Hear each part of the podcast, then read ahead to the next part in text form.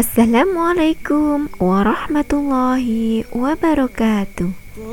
Bagaimana kabar kalian di hari Ramadan kedua ini?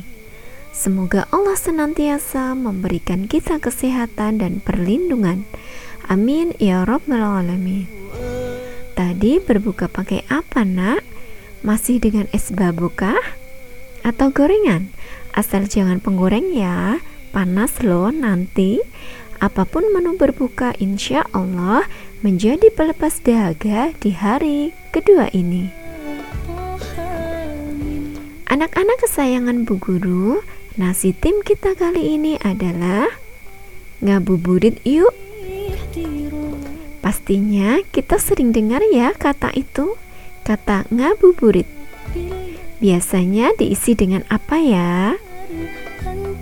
Jalan-jalan, sepedaan, motor-motoran, nongkrong, chatting, atau bahkan main game. Sebenarnya apa sih ngabuburit?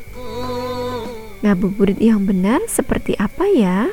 Ngabuburit ternyata dari bahasa Sunda loh yang artinya menunggu waktu berbuka puasa. Nah, kalau dalam Islam, ngabuburit itu diisi dengan kegiatan yang bermanfaat tentunya karena Islam sangat menghargai waktu. Terbukti dengan firman Allah dalam Quran Surat Al-Asr, Al-Duha dan Al-Lail.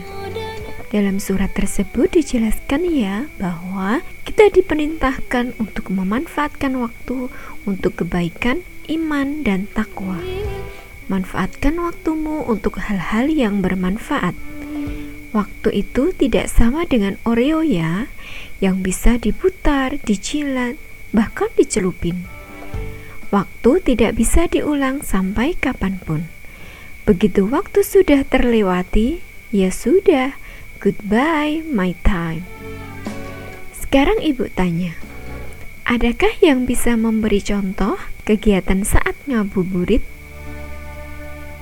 Jawaban tepat ya membantu ibu menyiapkan menu buka, menyapu, menyetrika, cuci piring, atau ngaji, ngajar TPA, baca Quran, ikro, dan kegiatan bermanfaat lain.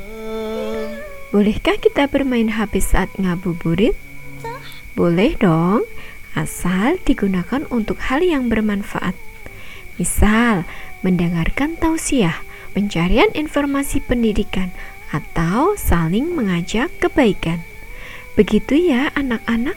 Jadi, mari ngabuburit kita isi dengan kegiatan yang bermanfaat. Semoga Allah senantiasa meridhoi kita dan mengangkat derajat kita. Amin ya rabbal alamin.